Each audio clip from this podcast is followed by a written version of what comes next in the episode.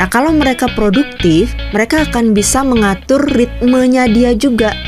Sehingga ngefeknya ke mana? Ke tubuhnya dia, ke kesehatannya ada dia. happiness banget ya. happiness banget. Oke, nah itu kan em, tema ini untuk sore hari ini karena Iya. ternyata bermain ini juga penting bagi anak-anak gitu ya. Betul, sangat penting bagi perkembangan anak, terutama bagi Hmm. yang kalau kita bilang apa sih bahasanya berlebihan gitu ya Lebay ya. lebay alay, Alay, gitu lah ya ya. padahal sebenarnya saya nggak nyaman ruang saya terasa terbatas Dengarkan program Ruang Psikologi kerjasama Radio Sonora Bali dan HIMSI.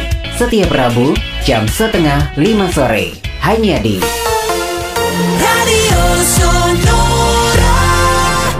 Sonora Bali FM 4 Top Kompas Gramedia Radio Network. Selamat pagi Sobat Sonora. Seperti biasa dong setiap hari Kamis dari jam 10 sampai jam 11 siang. Di Ngopi Siang kita masuk di sesi Ruang Gizi Sahabat Sonora. Dan tentunya setiap minggunya ada topik yang akan kita bahas. Dan setiap minggunya ada topik-topik menarik yang akan kita bagikan ke Sahabat Sonora tentunya dan bagi Anda yang pagi hari ini lagi di jalan juga tetap berhati-hati kalau sudah di kantor boleh streaming juga di sonorabali.com, sonora.id atau bit.ly slash streaming KG Radio. Karena pagi hari ini kita akan membahas tentang pentingnya garam beriodium untuk anak sekolah dasar nih sahabat Sonora. Penting ya untuk kita bahas walaupun ini eh, mungkin banyak sudah yang tahu tapi masih banyak juga yang mungkin pemahamannya baru setengah-setengah gitu ya sahabat Sonora atau baru tahu garam beriodium aja seperti itu nanti kita akan bahas lebih lanjut dan tentunya di studio Sonora untuk pagi hari ini sahabat Sonora saya sudah bersama Bapak Dr. Insinyur Ikomang Agus Jaya Mataram MK. Selamat pagi Pak, apa kabar? Selamat pagi, baik. Sehat ya Pak ya? Ya, sehat. Oke, tentunya kalau Bapak sendiri pasti garam di rumah udah beriodium semua ya. Iya. Karena bahasan kita tentang ini nih Pak untuk pagi hari ini. Saya eh, panggilnya Pak Komang ya. Baik. Oke Pak Komang, ini kan menarik sekali, boleh dikatakan eh, sangat merakyat banget topik kita untuk pagi hari ini tuh eh, pentingnya garam beriodium untuk anak sekolah dasar. Walaupun eh, nanti kita pembahasannya lebih eh, umum lagi gitu ya Pak Iya. Komang ya. Sebelum kita lebih banyak lagi nih membahas tentang pentingnya garam beriodium untuk anak sekolah dasar, mungkin sahabat Sonora ada yang masih sebenarnya garam beriodium itu apa sih? Emang apa bedanya dengan garam-garam yang lainnya? Apakah sama semua gitu kan? Dan nanti mungkin bagaimana nih nanti kita membedakan gitu ya Pak ya? Eh, Ya. Seperti apa itu garam beriodium itu seperti apa sebenarnya Pak? Ya, jadi garam beridium itu sebenarnya di pasar atau di swalayan sudah banyak dijual. Hmm. Jadi kalau garam beridium itu eh, jangan disebut nasi garam ditambah obat iodium tidak. Jadi, garam beridium, garam ditambahkan zat iodium. Zat iodiumnya itu istilah kimianya itu adalah kalium yodat. istilahnya. Jadi Hmm. eh, kita tidak usah pusing-pusing. Yang penting nanti kalau beli garam Hmm. di kemasannya di plastiknya itu ada tulisan Oh, bahwa garam beriodium ya. ya. Oh. ada garam beriodium ada Hmm. garam meja beriodium kemudian di situ nanti ada tulisannya tulisannya itu adalah dengan KIO3 KIO3.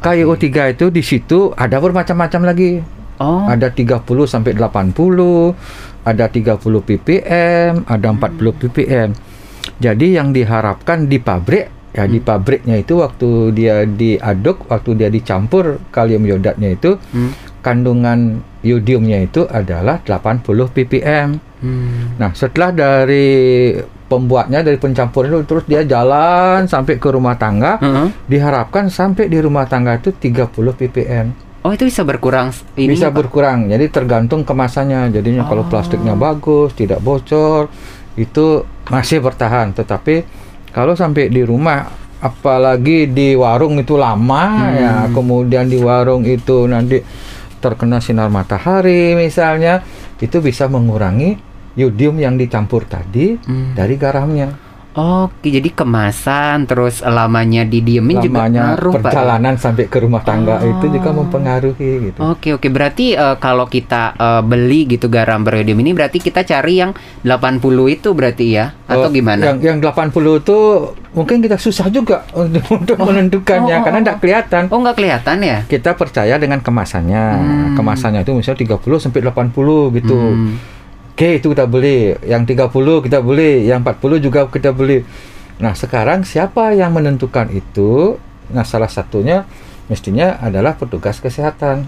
Oh. Jadi petugas kesehatan kalau sewaktu-waktu misalnya memeriksa secara acak paling paling depan itu adalah warung, warung di dekat desa, di dekat rumah tangga kita itu itu dicek. Dicek dengan iodina test namanya. Oh, ada alat tes khusus Ada ya? alat tesnya khususnya itu seperti ya untuk tetes mata itu. Oh. Namanya iodina test. Nah, itu ditetesin. Hmm. Kemudian dia akan berubah warna garam beridium itu. Yang tadinya putih itu akan menjadi ungu. Oh. Kalau ungu berarti kandungan yodiumnya itu bagus. Oh. Tetapi kalau warnanya biru muda atau tidak berubah dia tetap saja putih seperti garam yang kita tes itu berarti garam beridiumnya sudah hilang semuanya. Oh. Menguap atau jadi dia kena udara, kena Hmm. panas dia bisa menguap garam yodiumnya dari garam itu. Hmm. Nah, itu sebenarnya yang pentingnya Hmm. mereknya tetap garam beridium karena dia dibungkus plastik sama gitu. Ya, ya, ya, Tetapi begitu kita makan, petugas kesehatannya ini kalau ada petugasnya itu dia harus rutin, rutin ngeceknya itu. Hmm. Setelah rutin ngecek, tahu bahwa garam mana yang paling bagus mutunya, itu disampaikan kembali kepada masyarakat. Hmm. Jadi mereknya banyak. Hmm. Ada misalnya karapan sapi, ada cap daun, yang di Bali ada anak SD itu, kayak anak Oh, SD itu. oh. Kemudian yang paling sering itu adalah capnya ikan terbang biasanya. Oh, iya iya. Jam iya, terbang iya. yang paling sering saya lihat di Hmm. Bali. Kemudian ada capnya karapan sapi, ikan terbang. Ada kalau di Swalayan dolphin lagi itu. Oh, iya iya iya iya. Nah, itu banyak. Semua itu bagus tetapi semakin lama dia itu dari dicampurnya itu sampai di rumah tangga kalau kemasannya kurang bagus itu akan mengurangi kadar yodiumnya ya Hmm. seperti itu. Oke, jadi eh, mungkin di waktu diproduksi memang udah sesuai standar gitu Sudah, ya, Pak ya. ya. Tapi ternyata eh, di dalam perjalanan sampai ke rumah tangga itu itu bisa mengurangi kandungan yodiumnya Iya, gitu iya, ya. iya, iya. Dan ini juga tadi ditekanin bahwa eh, tenaga petugas tenaga kesehatan juga sangat penting perannya di sini Iya, ya, Pak iya. ya. Tidak hanya menyarankan masyarakat untuk eh, mengkonsumsi Mengkonsumsi. garam beriodium, Iya. tapi harus didukung juga dari mereka gitu. Iya, harus harus mutunya. Jadi Hmm. tenaga kesehatan harus tahu mutunya. Begitu tahu mutunya, menyarankan kembali merek apa yang baik. Oke. Iya. Oke, nah itu tadi udah ya sahabat Hmm. Sonora dan nah nanti kita akan bahas lebih lanjut lagi nih Pak. Mungkin sahabat Sonora, emang fungsinya apa sih zat yodium dalam tubuh ini? Kenapa saya harus mengkonsumsi garam berkandungan yodium ini? Kenapa nggak boleh garam biasa gitu ya? Nanti Hmm. kita akan bahas di sesi selanjutnya sahabat Sonora tentunya eh, setelah jeda berikut ini buat sahabat Sonora yang pagi hari ini lagi streaming silahkan di sonorabali.com, sonora.id atau bit.ly slash streaming KG Radio. Kita kembali setelah berapa jeda berikut ini tetap di Ngopi Siang di sesi Ruang Gizi.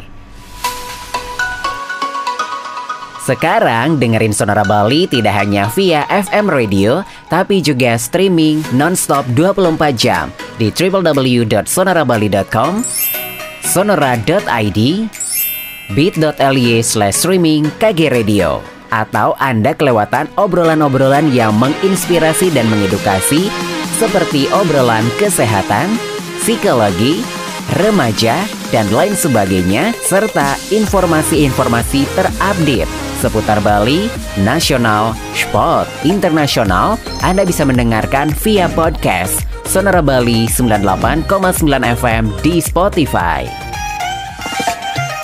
Bagi Anda yang suka membaca, bisa juga kunjungi website kami www.sonorabali.com atau sonora.id.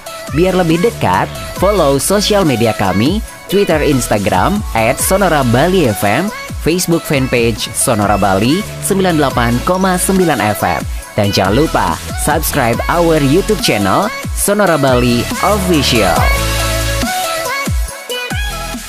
Masih di ngopi siang di sesi ruang gizi sahabat sonora untuk pagi hari ini kita masih membahas pentingnya garam beriodium untuk anak sekolah dasar dan tentunya kita eh, akan lanjutkan lagi nih membahas sahabat sonora untuk pagi hari ini bersama Bapak Komang. Ini dari jurusan gizi Poltekkes Denpasar. Tadi sudah membahas sebenarnya apa sih eh, garam beriodium itu gitu ya. Ternyata eh, waktu diproduksi kandungannya udah bagus seiring dengan perjalanannya sampai ke rumah tangga itu bisa mengurangi kandungannya bahkan bisa hilang seperti itu nih sahabat sonora jadi kita harus benar-benar eh, pintar-pintar dalam memilihnya nah sekarang jadi pertanyaan Pak Komang eh, apa sih sebenarnya fungsi gitu ya dari zat yodium di dalam tubuh kita seberapa pentingkah untuk tubuh kita gitu Ya.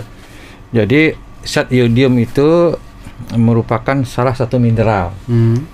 Jadi salah satu mineral yang diperlukan tubuh walaupun jumlahnya sangat kecil tetapi tubuh tidak bisa memproduksinya. oh tubuh nggak bisa memproduksi ya Itu harus ditekankan dari luar, ah, itu dari makanan.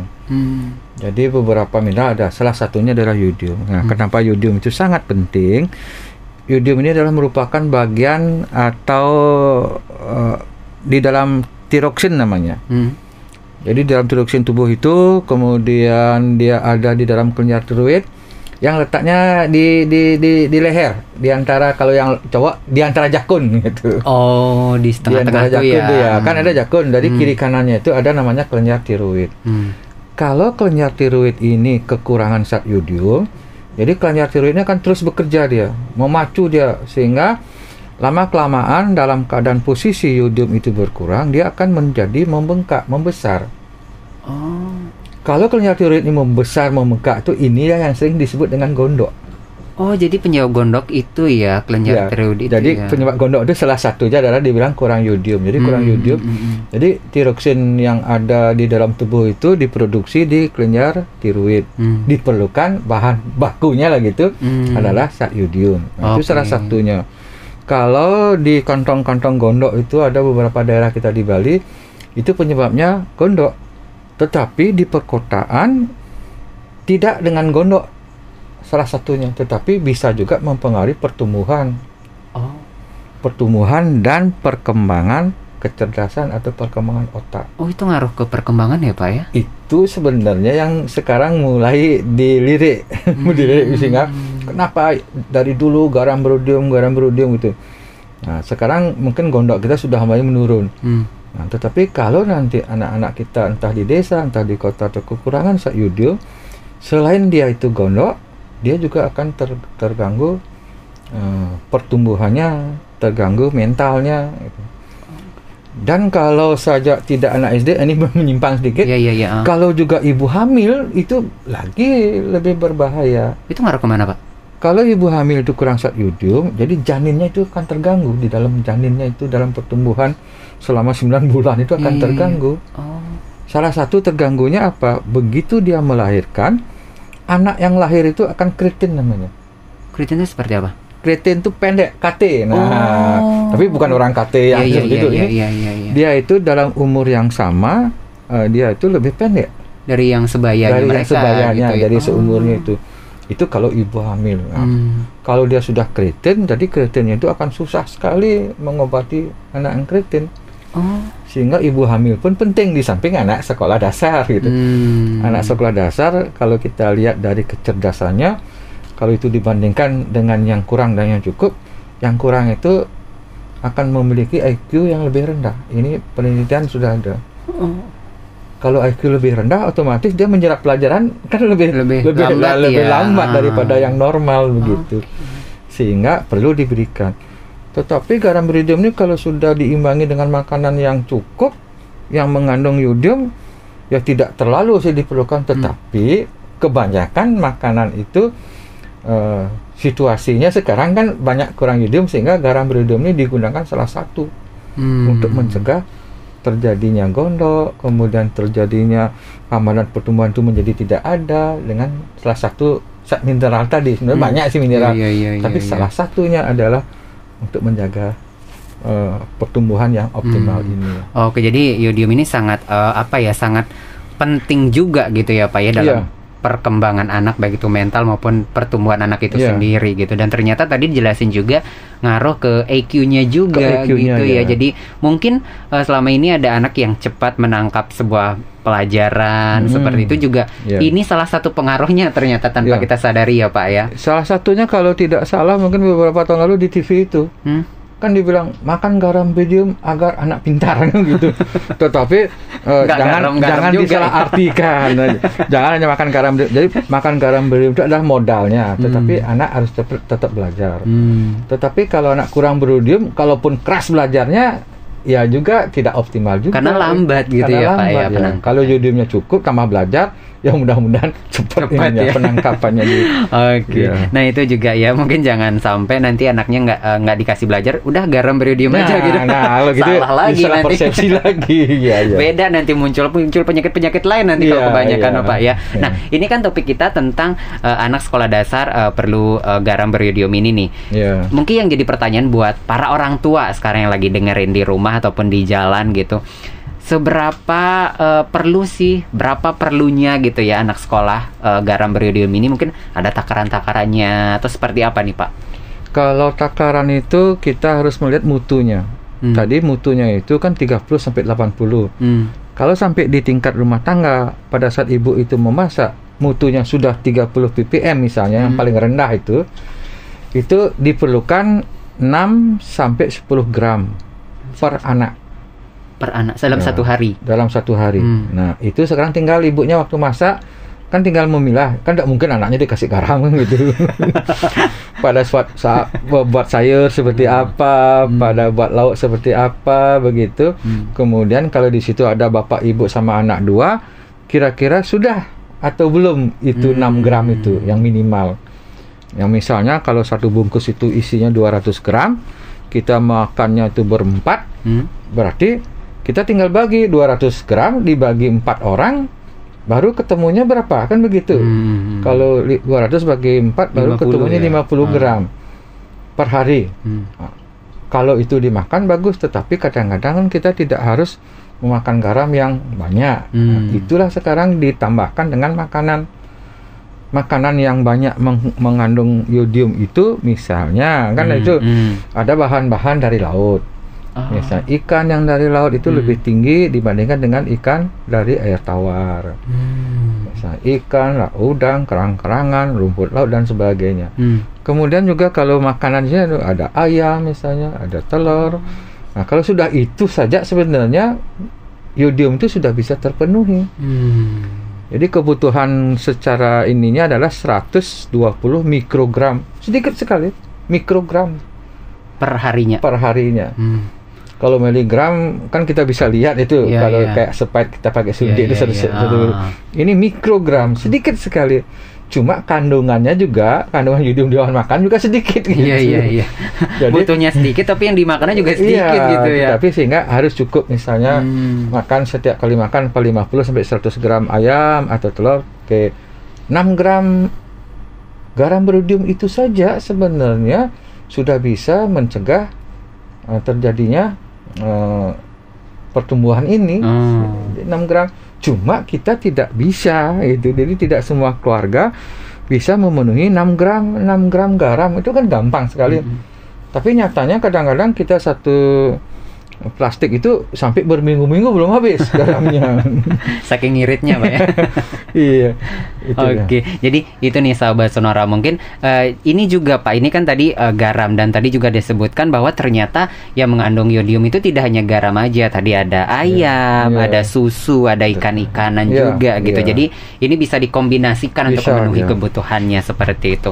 Baik, nanti kita lanjut lagi sahabat Sonora di sesi selanjutnya tentunya membahas ini dan tentunya nanti kita akan kembali setelah beberapa jeda berikut ini tetap di ngopi siang di sesi Ruang Gizi.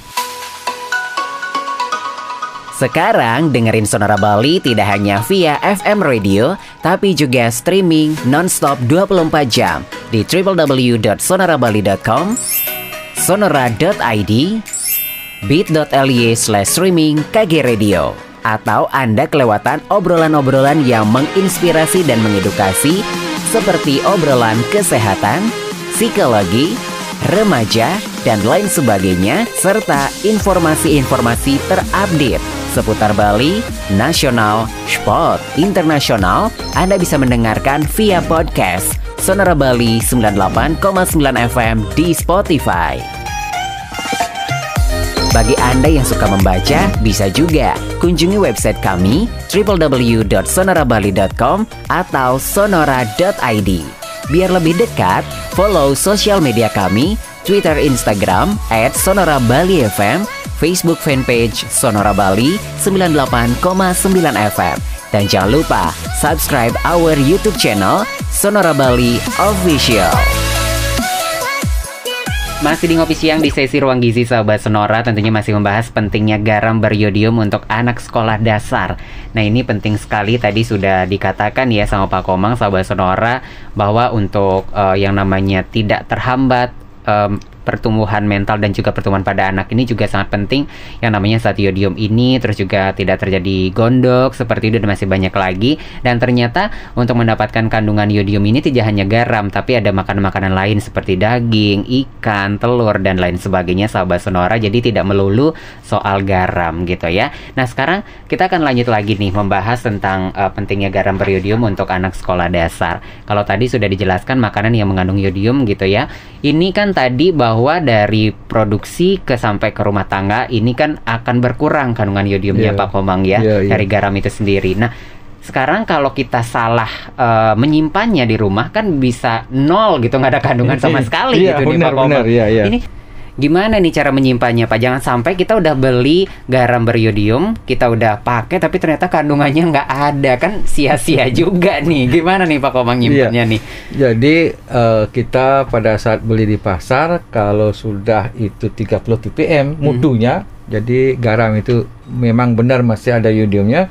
Sampai di rumah pun itu sangat berpengaruh. Misalnya ada orang tua, ibu-ibu yang sampai di rumah hanya memotong atau mensobek plastiknya, kemudian Mhm. dipakai. Iya iya iya. Setelah dipakai kadang-kadang tidak Ditaruh gitu diberikan aja wadah, gitu ya? ditaruh Ah. seperti aja. Jadinya kalau itu ditaruh seperti itu kan nanti terbuka. Jadi kalau terbuka itu juga menyebabkan yodiumnya menguap Hmm. sehingga bisa berkurang juga. Nah, kalau nanti hanya plastik saja, mungkin plastiknya itu perlu juga dibungkus apa diikat misalnya dengan gelang karet gitu misalnya di Oh, rumah ditutup lah Pak ditutup ya. ya. Jadi dia dalam keadaan tertutup sehingga menguapnya itu ya lebih lama walaupun tetap menguap. Hmm. Kalau saja di rumah ada wadah, Hmm. wadah garam itu silakan dipakai itu bagus. Jadi wadahnya juga usahakan kalau itu dari kaca, kacanya yang bagus itu adalah yang tidak tembus cahaya Oh. atau dia kacanya berwarna gitu, bukan kaca bening gitu. Hmm. Jadi kalaupun dia pun sudah di toples misalnya atau di kaca bening kemudian kena sinar matahari atau sinar langsung itu juga bisa mengurangi Oh. rusak pada garam beriodium Hmm, hmm, hmm. di rumah. Kemudian juga kalau dekat-dekat dengan panas juga, misalnya dekat-dekat kompor kita taruh ya rusak juga gitu. Oh, jadi agak ini juga nyimpennya iya, Pak ya. nyimpannya juga eh, eh, banyak ya harus diperhatikan kalau Hmm. kita ingin yodium itu benar-benar nanti masuk ke tubuh anak kita. Hmm, biar nggak sia-sia beli Tidak garam sia-sia, beriodium ya. ya. Kalau di dapur juga, kalau pas kita misalnya naruhnya itu plastik atau wadah, kalau kena sinar matahari, janganlah langsung kena sinar matahari. Apa diumpetin dikit, Hmm. ditaruh di rak gitu Iya, misalnya. iya, iya. Kalau mau taruh di meja boleh, tetapi hindari sinar matahari. Kalau rumahnya tidak ada sinar matahari masuk ke dapur ya tidak apa-apa. Hmm. Ini tentu ada kan dapur yang langsung kena sinar Iya, matahari, iya, nah iya. itu dihindari. Hmm. Kalau sinar lampu sih tidak apa-apa gitu. Hmm. mungkin. Ya penting matahari dihindari Iya, sinar, langsungnya sinar itu Pak ya. langsung, Iya. Oke, itu jadi eh, tips yang mungkin boleh dikatakan mudah tapi terkadang kita melewatkannya Iya. Pak ya untuk menyimpan garam ini sendiri. Nah, bagaimana jumlah garam beriodium saat digunakan memasak nih Pak? Ini jadi pertanyaan buat ibu-ibu nih lagi mau masak gitu kan. Pusing Iya. nih kayaknya. Kadang-kadang ada ada beberapa ibu-ibu yang bilang saya gunakan garam beriodium itu kok pahit ya gitu. Nah, benar ada yang bilang katanya rasanya berbeda. Rasanya berbeda katanya. katanya. Iya. Itu kebiasaan kita, apalagi kita menambahkan itu pakai jimbitan itu, jimbitan Hmm. tangan itu. Sudah kadang biasa kita menggunakan garam yang tidak beriodium itu misal satu jumpit, kemudian kita menggunakan garam iodium juga segitu, kemungkinan akan Pahit ya, terasa Pak. pahitnya. Jadi eh, garam beriodium itu eh, kadar airnya lebih rendah Hmm. lebih kering dia sehingga untuk penggunaannya dia akan lebih sedikit ya kalau saya contohkan misalnya satu sendok teh misalnya nyampur untuk sayur misalnya sayur bening satu sendok teh kalau garam beriodium cukup ujungnya saja seperempat saja cukup Oh, sejauh itu, Itu- perbandingannya Pak ya? ya itu sudah bisa itu Oh. itu sudah bisa memberikan rasa makanya kalau satu sendok teh garam tidak beriodium sendok teh juga garam beriodium Pahit ya. itulah yang dirasakan pahit Oh, oke. Ya, ya. Jadi ini eh, boleh dikatakan lebih irit jadinya pakai garam beriodium ya sih? Sebenarnya lebih irit, tetapi harganya lebih mahal dibilang. Oh, oke. Karena apa?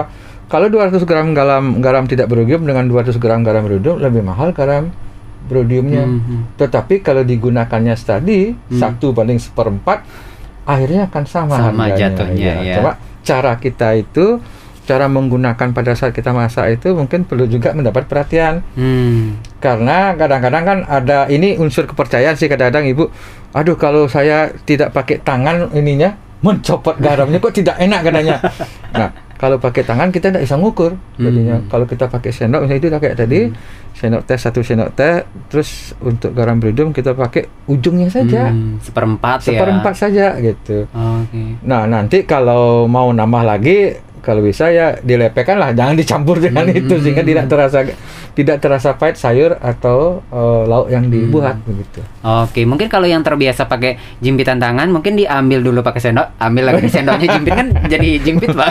Boleh juga itu.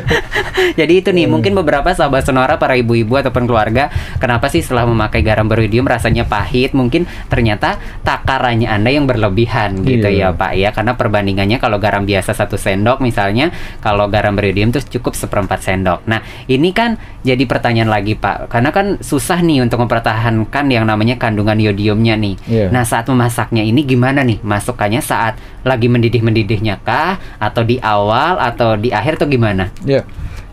Ini satu lagi kendala. Jadi kendala untuk mempertahankan bahwa garam beridium akan tetap yodiumnya bisa sampai dimakan, baik Hmm. dikonsumsi.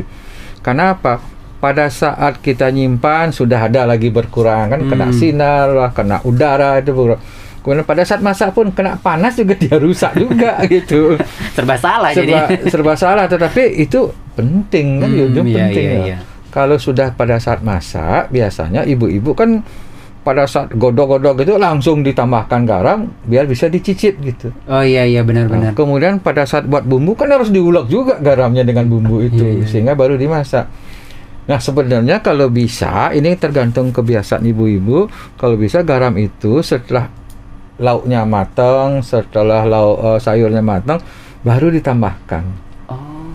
Jadi itu akan ya akan mengurangi lah kerusakannya eh, yodium itu dibandingkan pada saat eh, Mendidih- sayur itu mendidihnya sudah gitu ya. mendidih-didihnya kita tambahkan garam itu menguat langsung yodiumnya. Hmm. Cuma ini sekarang kan kebiasaan pada saat mengaduk sayur misalnya dengan baru mau matang kita angkat atau sudah diangkat dulu kita baru kasih itu atau garamnya sediakan di atas meja Hmm.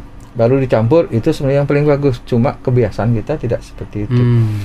nah kalau nanti ibu-ibu dan keluarga mau merubah perilaku itu ya bagus juga jadi yodiumnya itu kemungkinan besar akan kita benar-benar konsumsi Hmm. jadi yodium dengan 30 ppm itu dengan 6 gram garam itu akan menjamin tidak terjadinya stunting kan gitu Hmm, kalau hmm, hmm. tidak terjadinya gondok tidak terjadinya gangguan pertumbuhan Hmm. nah mungkin itu yang yang ini yang harus diperhatikan Iya, iya, perhatikan iya. oleh ibu-ibu kita di rumah gitu. Oke, berarti eh, ini kan eh, ngasih apa garamnya itu setelah matang gitu ya pas setelah Iya. diangkat. Nah kalau misalnya nih di kita kok udah makan nih di meja makan, terus tiba-tiba saya, waduh kayak kurang garam, boleh nggak sih ditambahin lagi gitu pak? boleh Hmm. boleh ditambahkan saya lagi sering berkelakar sama ibu-ibu itu kadang-kadang ibu kan makan rujak sebilang gitu Ah. Kalau rujaknya pakai garam beridium kan langsung ibu bisa makan itu, dicolekin sama buahnya, langsung dimakan, kan lebih aman, tidak Iya, iya. dimasak, tidak digodok. Coba saya sering kelakar, tapi soalnya apa? Saya kan tidak senang rujak gitu lagi.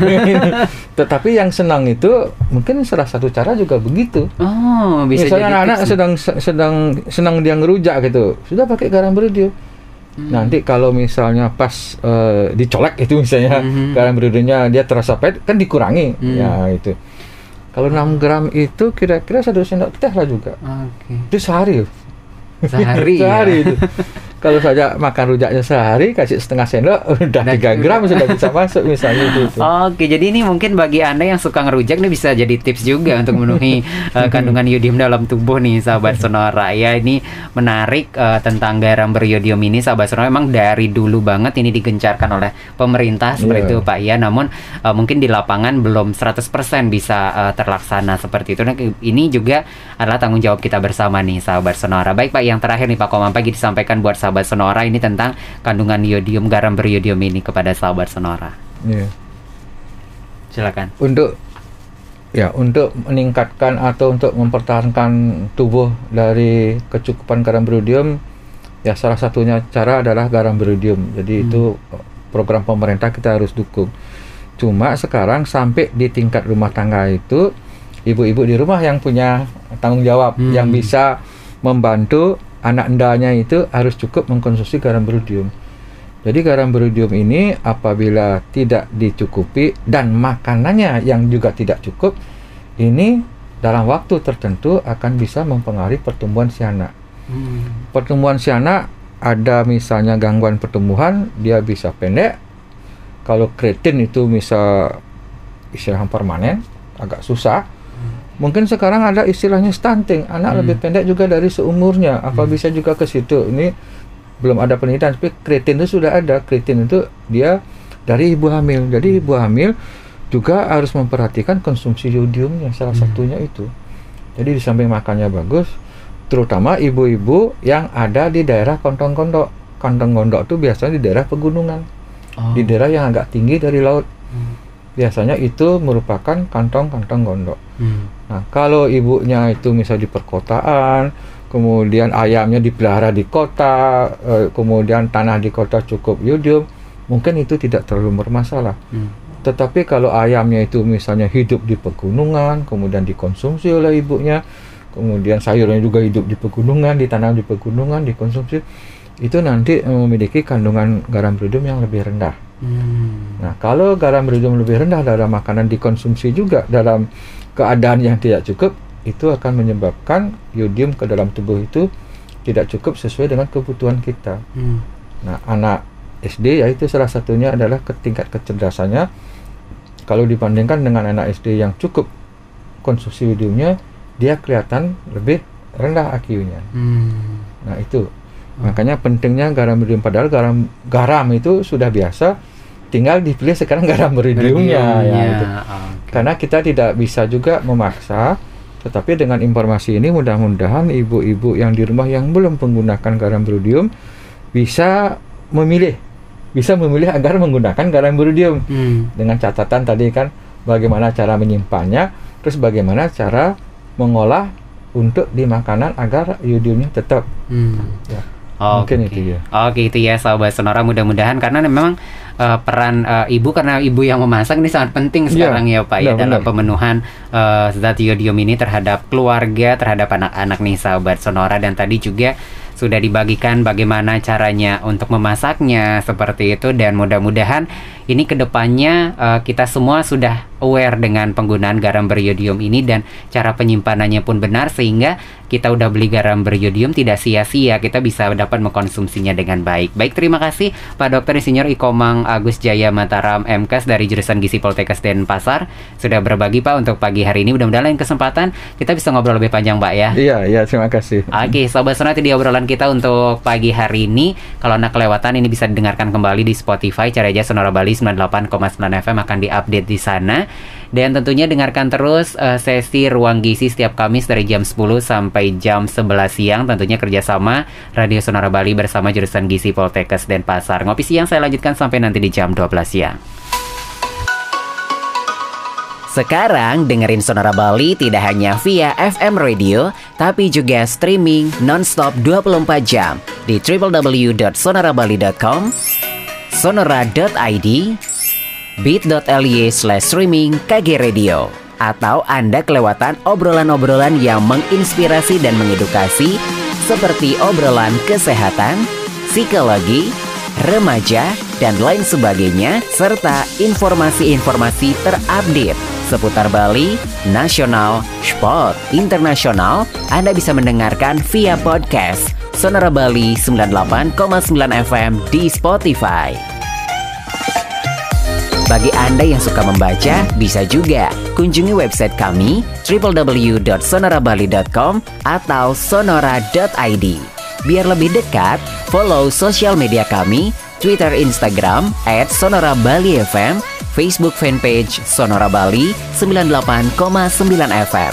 Dan jangan lupa subscribe our YouTube channel Sonora Bali Official.